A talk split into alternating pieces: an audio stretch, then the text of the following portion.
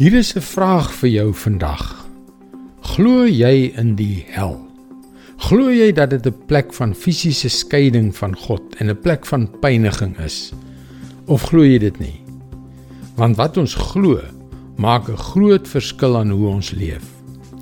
Hallo, ek is Jockey Gouchee vir Bernie Diamond en welkom weer by Vars. Opnames toon dat deurgaans sowat 76% van Amerikaanse Christene in die hemel glo. Maar dat net 32% glo die hel is 'n plek van ewige pyniging en lyding.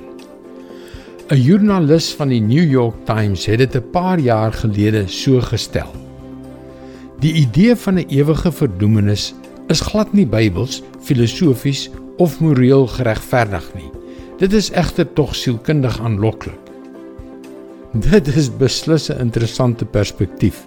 Ek is nie seker watter Bybel daardie ou gelees het nie, maar kyk wat Jesus gesê het in Matteus 13 vers 40 tot 42. Soos die onkruid bymekaar gemaak en met vuur verbrand word, so sal dit by die volëinding van die wêreld wees.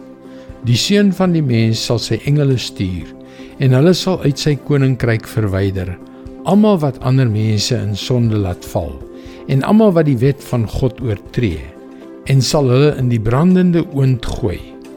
Daar sal hulle huil en op hulle tande kners.